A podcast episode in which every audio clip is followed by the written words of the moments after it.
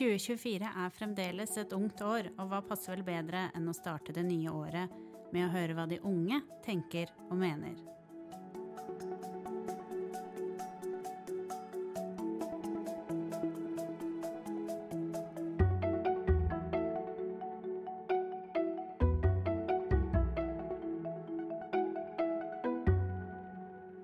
Ja, godt nyttår og hjertelig velkommen til en ny episode av KS-podden Der livet leves. Jeg heter Ida Slettevold. Og jeg heter Jan Inge Krosli, og vi er de nye programlederne i Der livet leves. Og dette er vår første episode. Det er det. Og de unge fikk jo mye oppmerksomhet ved inngangen til det nye året. De ble nevnt både i kongen og statsministerens nyttårstaler. Litt senere så skal vi høre hva ungdommen selv syns om denne omfavnelsen. Og 12. februar arrangerer KS for andre gang toppmøte barn og unge. Og det skjer i Trondheim dagen etter, nei, dagen før landstinget. Og da noen av de unge delegatene møttes sist helg for å planlegge toppmøtet, så var du på plass, Jan Inge. Det var jeg. Denne første iskalde lørdagen i det nye året så har et titalls ungdommer kommet hit til Trondheim fra hele landet for å planlegge toppmøtet barn og unge, som KS arrangerer dagen før sitt landsting om ganske nøyaktig en måned. Og på landstinget så skal folkevalgte vedta kommunesektorens politikk for de neste fire åra. Og de 120 ungdommene som kommer på toppmøtet, skal få gi sine innspill direkte til delegatene på landstinget. Og engasjementet er stort når de diskuterer hvordan toppmøtet skal gjennomføres her i Trondheim. Først Trond Kallagen, som er ansvarlig for toppmøtet i KS. Hva er egentlig toppmøte barn og unge, og hvorfor begynte KS med det for fire år siden? Toppmøte barn og unge er et uh, arrangement for uh, ungdom, med ungdom, og lokale politikere og administrativt ansvarlige, altså kommunedirektører og andre administrative ledere i kommunene. Der vi ønsker å sette barn og unges medvirkning på dagsorden for å få løfta det i lokalsamfunnene. Mm. Eh, inspirasjonen henta vi fra våre søstre i Danmark, KL, eh, som har et eh, årlig toppmøte barn og unge. Men de har et toppmøte barn og unge som snakker om barn og unge. Eh, der politikere og administrative ledere møtes, men eh, der ungdom i lite grad deltar. sånn at eh, For vår del så var det viktig å få med ungdommen, sånn at eh, de faktisk kan snakkes med og ikke om. Så vi er flinkere enn danskene, altså? Ja, akkurat på det området er vi i hvert fall bedre enn danskene. Ja, Da har vi med oss tre av ungdommene som holder på å planlegge toppmøtet. Dere kan jo kort si hvem dere er. Jeg er Heidar Bergom Jahr fra Vestre Toten i Innlandet. Jeg er Maria Wangenberg fra Sandefjord i nye Vestfold fylke. Og jeg er Jonas U. Wærnes fra Rennebu i Trøndelag. Mm. Et litt ledende spørsmål først, kanskje. Hva syns dere om at KS arrangerer toppmøte barn og unge? Er det viktig? Ja, jeg syns jo det er lurt og eh, viktig i forhold til å styrke ungdoms reelle medvirkninger, og samt bygge nettverk da, eh, fra liksom dem som skal representere ungdommen, eh, opp mot dem som reelt sitter med makta, både administrativt og måte, utøvende via mm. ordførerne. Ja, så er jeg helt enig, og så er det gøy at vi møtes liksom nasjonalt. At vi både liksom får eh, helt fra nord til sør eh, og kan både bygge nettverk, men også se litt hvordan andre deler av landet jobber. Og så er det veldig gøy også at vi får være med og delta for å gjøre, eller for å gjøre KS, dette toppmøtet, veldig bra da, sammen med KS. Og jeg føler at vi blir både sett og hørt, så jeg tror dette blir veldig bra for ungdommen òg. Mm. Ja, det at ungdom får lov til å være med på eh, være med på å lage KS sine politiske prioriteringer, er jo så viktig. Mm.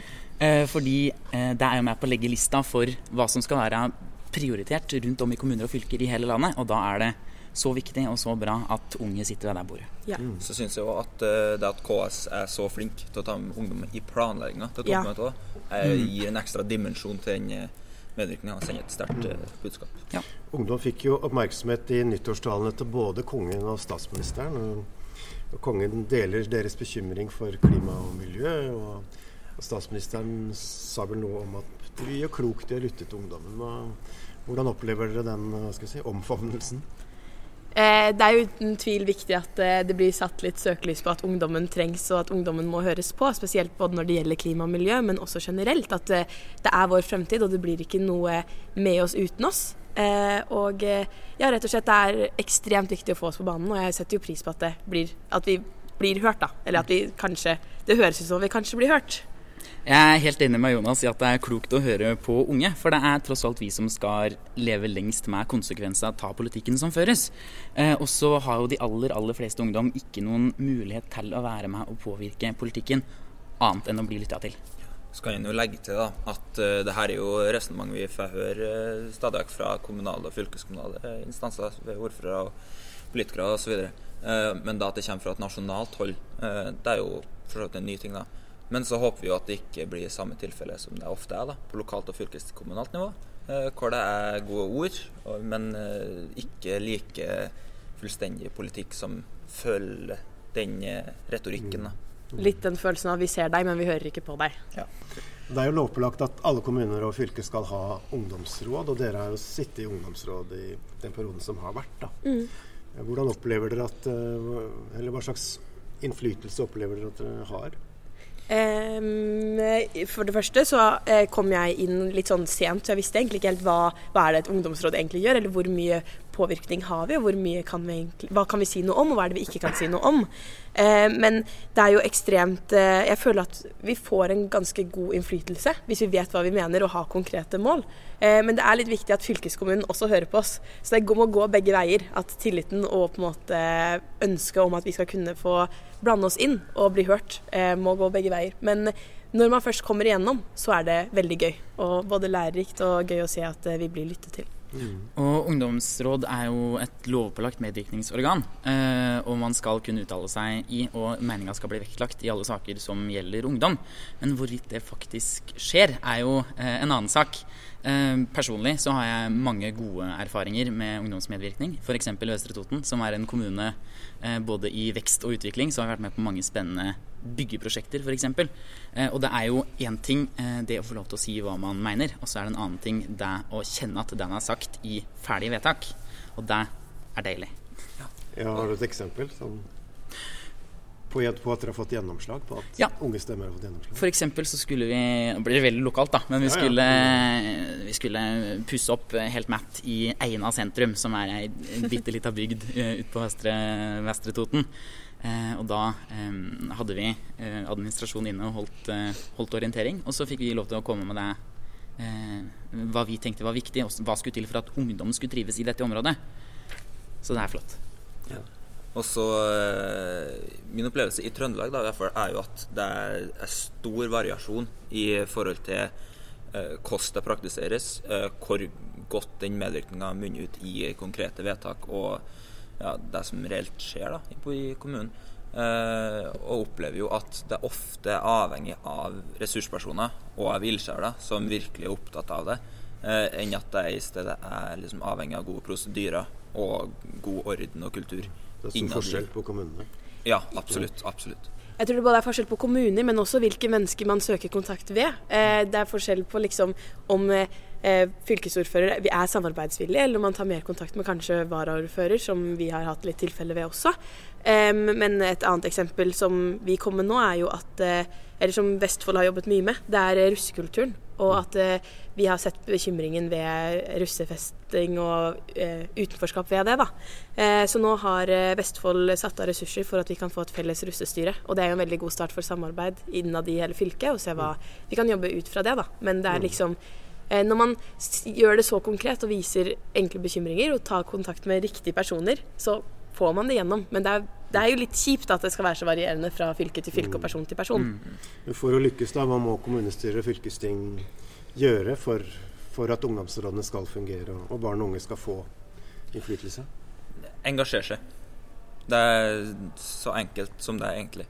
Uh, man må vise en vilje uh, til å sette av tid og ressurser til å skape gode prosesser rett og slett da, som mm. står seg over tid, i stedet for at man må lene seg på slike ressurspersoner som jeg nevnte tidligere. Mm. For det fungerer veldig bra når de ressurspersonene er tilgjengelige og er engasjert. Men så fort de faller bort, så faller ofte ungdomsstemmen bort med dem. Og det er jo noe man må motvirke ved å bygge opp en god medvirkningskultur, eh, men òg gode formelle prosesser. Mm. Bl.a. møte- og talerett f.eks. er ofte veldig viktig og sentralt. Der sa Jonas det jeg hadde tenkt å si. Møte- og talerett. Enkelt og greit. I kommunestyrer? Ja, i kommunestyrer og i ja, fylkestinget også. Møte- og talerett. Eh, mm. For da tror jeg vi blir sett og vi blir hørt, ikke bare lest. Fordi vi sender inn uttalelser, men hvorvidt de blir lest er veldig varierende. Jeg kommer fra Innlandet, og hvis spørsmålet var hva skal til for å ha gode, fungerende ungdomsråd eh, Innlandet så er det mange små kommuner med lite folk, og da er jo kanskje for mange første skritt bare det å ha et ungdomsråd. Og så må man koble på administrasjonen, sånn at eh, ungdomsrådet eh, får saker å mene noe om. For det er vanskelig å sitte der som ungdom og ikke vite helt hvor man skal begynne. Eh, og så, eh, når eh, ungdomsrådet og administrasjonen spiller på lag, så er det også veldig viktig at ungdomsrådet får gode orienteringer, innledninger, gode, riktige, forståelige sakspapirer, eh, sånn at man har noe grunnlag å mene noe på. Men er det noen kommuner som fortsatt ikke har ungdomsråd, eller? selv om det er lovpålagt? Ja. Nikker, ja. ja. Er, jeg har ikke statistikken i hodet, men det er men det definitivt finnes. Eh, kommuner som ikke har ungdomsråd. Mm. Og så er det kommuner som sier de har ungdomsråd, men det er ikke velfungerende. Eller det er, funker ikke i praksis, men mm. det fins møtes kanskje en gang. Det skjer ikke så mye mer. Mm.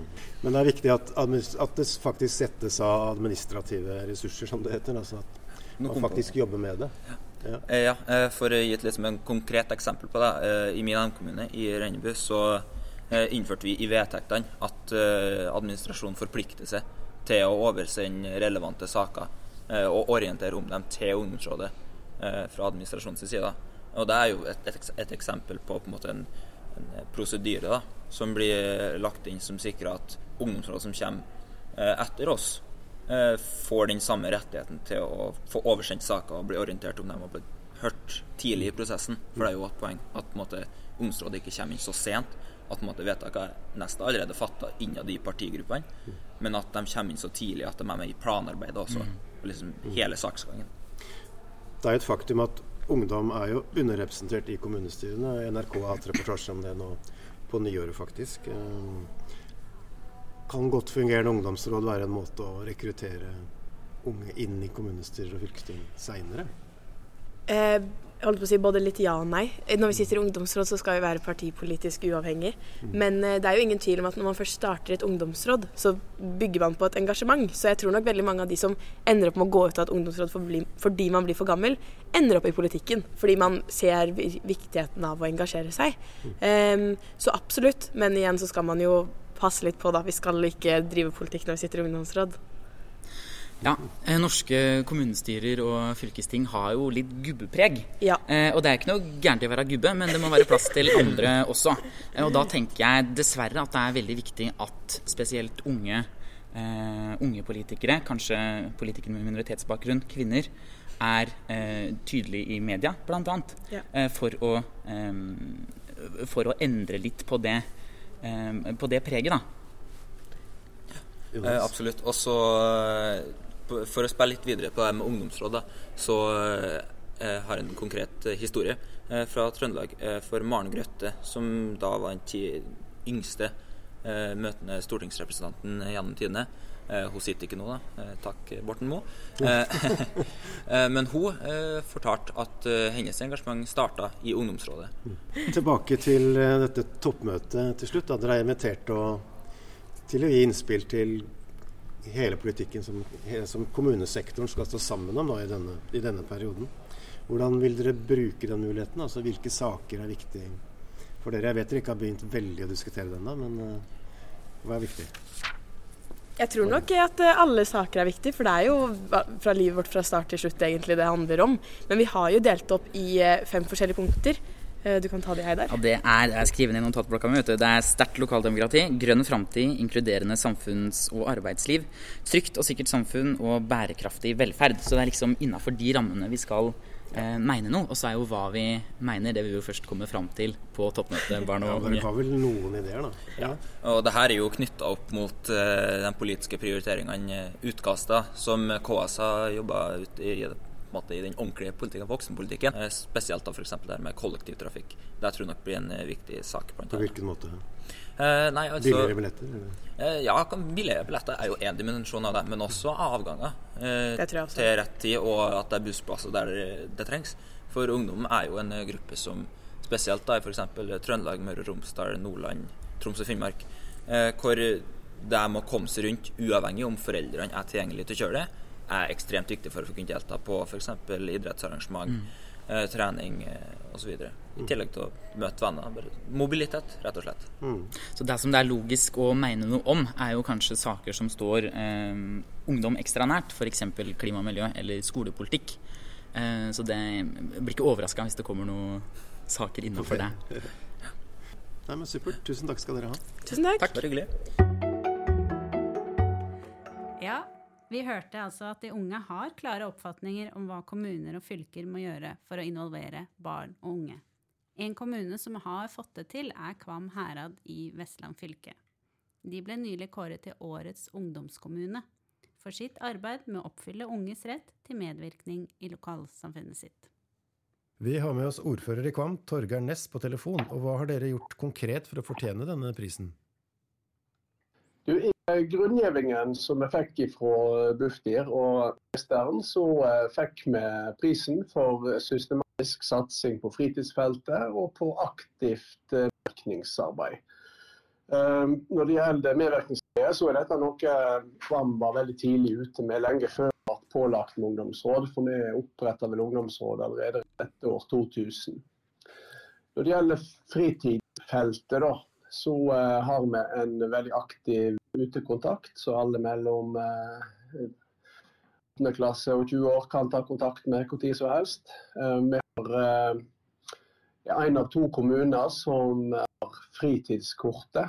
Det er alle ungdommer eh, og unger mellom 6 og 18 i Kvam får 1100 eh, kroner i halvåret som de kun kan bruke på eh, fritidsaktiviteter.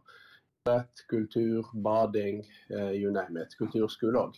Det fører jo til at ingen er ramler utenfor pga. at fritidsaktivitetene blir vurderingspost i familieøkonomien. Så fra... Ja. Og så er det sånn at ungdomsrådet taler ofte i kommunestyret i deres kommune. Hvilke saker mm. er det de har satt på dagsordenen, og har det ført til noen gjennomslag?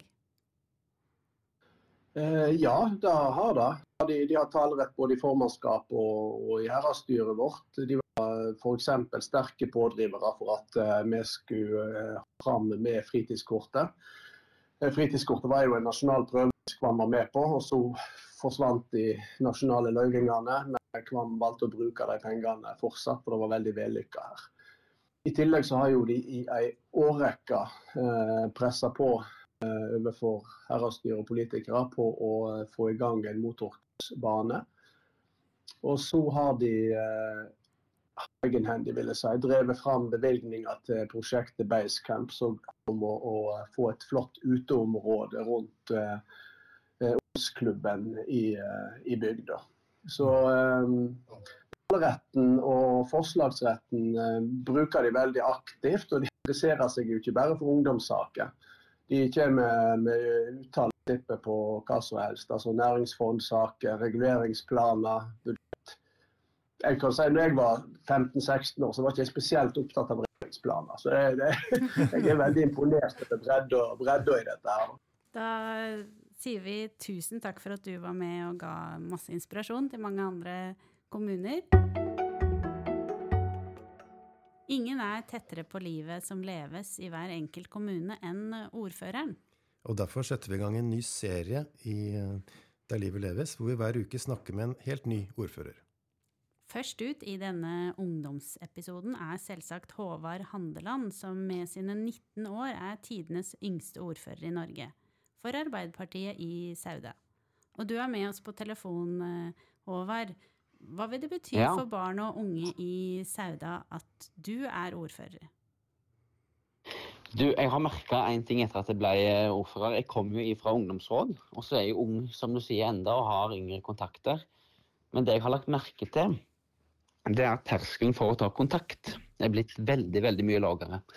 Jeg har eh, så å si vært med på alle videobaserte prosjekt som ungdomsskolen har hatt. Alt ifra bærekraft Jeg husker det var, jeg fikk besøk av en klasse på kontoret som bare troppa rett inn, og de sa det sjøl, at det var lettere å gå inn her når jeg, når jeg var, var, var yngre, da. Uh, og de spurte meg rett ut, med video rett foran meg, uh, hvordan produserer en olje egentlig? Så det er en sånn veldig rar filter til at ordføreren kan alt og, kan svare på alt, men uh, Hvorfor vil du bli ordfører? Hvordan, hvordan, ble du ordfører? Du, jeg må jo si at da jeg ble valgt som, som ordførerkandidat på, på nominasjonsmøtet vårt i mars i fjor, da så jeg vel på meg sjøl mer som en førstekandidat. Eh, da hadde vi dårlige målinger nasjonalt, og jeg tenkte at dette her, eh, det er nå et valg, og så blir jeg sittende i kommunestyret. Så det var vel først eh, klokka fire på valgnatta jeg skjønte at jeg er ordførerkandidat, og nå jeg fikk jeg jo det der spørsmålet. Sant. Så det, da var det jo mange tanker i hodet, selvfølgelig, og jeg gikk hjem og og tok en drøs. Rådførte meg med min mor, selvfølgelig, som jeg alltid gjør. Eh, ikke nødvendigvis klokka fire på natta alltid, da, men det ble nå det denne gangen. Eh, og tenkte litt på det i, dagen etterpå, og da gikk det virkelig opp for meg at jeg er ordførerkandidat. Men motivasjonen er Jeg fant et veldig godt sitat. At eh, bli forsker hvis du vil forstå verden, og bli en politiker hvis du vil endre verden. Så det, det ligger en motivasjon der da, i, å, i, å, være med der beslutningene tas, og sette sitt preg på de. Og så bare en sånn liten historie, for jeg har jo noen kaller det erfaring, andre kaller det ikke det. Men jeg har eh, jeg satt i elevrådet på barneskolen i sju sammenhengende år. Oi. Eh, og det er ingen god grunn til det, annet enn at jeg hadde bursdag dagen etter vi skulle velge elevrådsrepresentant, stort sett hvert år. Så da ble jo strategien at de som ikke stemte på meg, de får, får da ikke komme i bursdagsselskap. Så det var jo en litt sleip en, men det ble nå gjengangeren. Men det sier jo litt om den, den jeg har tenkt, eh, reflektert litt tilbake på det. at litt om den lysten til å være med der det skjer. Så jeg tror nok motivasjonen ligger i en sånn indre driv da, til å Litt sånn spenning knytta til det, tror jeg. Ja. Og nå eh, har du jo kjent på hvordan det er å være ordfører en stund. og du har eh, sikkert mange oppgaver foran deg, og det er jo sånn at kommunesektoren står overfor mange store utfordringer. Så hva vil du egentlig si at er den største utfordringen i Sauda kommune? Ja, altså Sauda er jo en eh, distriktskommune med ganske høy sånn klassifisering. Og, og, vi sliter jo med altså Den største må jo være eh, folketallsutviklingen vår. Det er jo ingen tvil om det. Eh, prognosene fra Telemarksforskning som jeg sjekka nå, de, de, tilsier at vi blir 1000 færre i Sauda mot 2050 hvis ingenting skjer. Og vi er altså 4005. Så det er en dramatisk endring hvis det blir realiteten. Så Det er den største utfordringen. Og så har vi en, en, demografi, en alderssammensetning i kommunen, som gjør det utfordrende for, eh, for sektoren. Eldste befolkningen i Rogaland. Paradoksalt nok eh, Norges yngste politiske ledelse. Det er jo interessant. Men, eh, men ja, det, det, er demografi, da. Og det, er jo litt sånn, det blir jo litt sånn distriktssutring oppfattet som. Men, men det, det, er den der omstillingen da som, som vi ikke er alene om. Hva er den viktigste endringen dere da må gjøre i løpet av perioden, som du ser for deg? Det står i vår strategiske næringsplan at eh, folk skaper arbeidsplasser og folk skaper steder. Så jeg tror det at nye arbeidsplasser er viktig, og det sier jo alle selvfølgelig. Og så er det jo sånn at i vår kommune så, så blir det gjerne en realitet om vi står midt oppi en planprosess for etablering av en stor ammoniakkfabrikk eh, i Sauda. Vi har jo uh, kultur og tradisjon for prosessindustri, så det, det, håper vi veldig på, da. Ja, nettopp. Ja, her er det jo virkelig mye spennende å ta tak i. Uh, så vi vil bare ønske deg masse lykke til, Håvard, og tusen takk for at du ville bidra i denne postkassen. Veldig kjekt. Takk for invitasjonen. Takk for i dag. Vi høres om en uke. Og da skal vi høre mer om fylkesstyrene i KS, det viktige politiske bindeleddet mellom KS og medlemmene.